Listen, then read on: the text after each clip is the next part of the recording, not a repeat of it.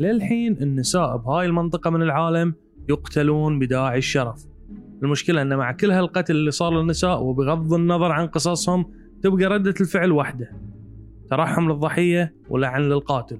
بدون تحليل وفهم حقيقي للمشكلة والعمل على علاج جذري لها.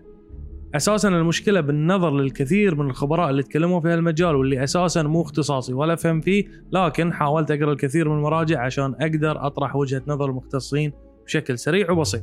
المشكلة بنظرهم في فهم قوامة الرجل على المرأة واللي بعض الرجال فاهمين إن القوامة كأنه هو يملك المرأة والأصل إن القوامة هي المسؤولية والرعاية والحماية والاهتمام. لأنها مسؤولية الله سبحانه وتعالى كلفها على الرجال.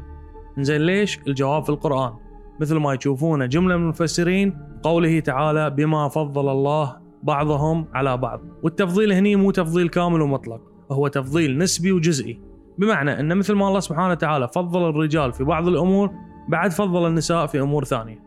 مثل ما أعطى الرجال القوة الجسدية والتحمل وهب النساء القوة العاطفية والتماسك تحت الضغط.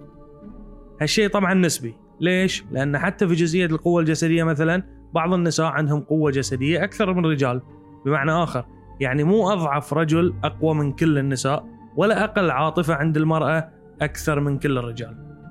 بالتالي في خلل شخصيا ما أقدر أستوعبه. إن الطفل اللي بلغ توه يصير ولي أمر أمه لأن الرجال قوامون على النساء وأفضل منهم. لكن بمجموع الناس وبالنظر للصورة الكبيرة وكقانون عام الله جل جلاله خالق الجنسين كلف الرجال بمهمة القوامة. الموضوع وايد طويل يبي له شرح أكثر فخلنا نكمل باكر.